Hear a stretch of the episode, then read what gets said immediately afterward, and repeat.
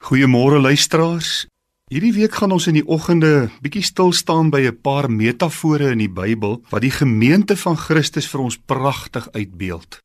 Nou 'n metafoor is 'n gelykenis in een enkele woord. Jy sal sien, hy praat van die liggaam van Christus of die bruid van Christus en daar's wonderlike betekenis vir ons daarin opgeteken.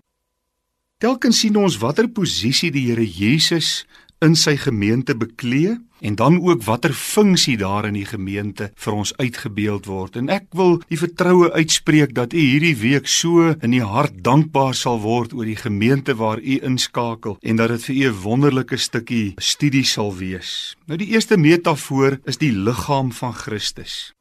Ons vind in 1 Korintiërs 12 vers 27 waar Paulus sê: "Maar julle is die liggaam van Christus en lede afsonderlik." Nou in die liggaam is die Here Jesus natuurlik die hoof. Hy beklee die mees prominente posisie. Hy's as dit ware die brein wat die liggaam beheer en hoe meer die liggaam funksioneer soos die hoof ons lei, hoe meer sal die wêreld Christus in die gemeente sien. Totale onderworpenheid aan die hoof is so belangrik in die liggaam van Christus.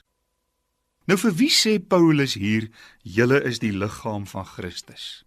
Natuurlik vir die plaaslike gemeente in Korinte.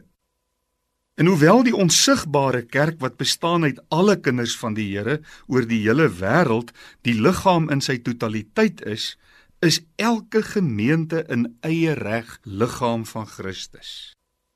Kom ons kyk 'n bietjie wat is dan die funksie van die liggaam?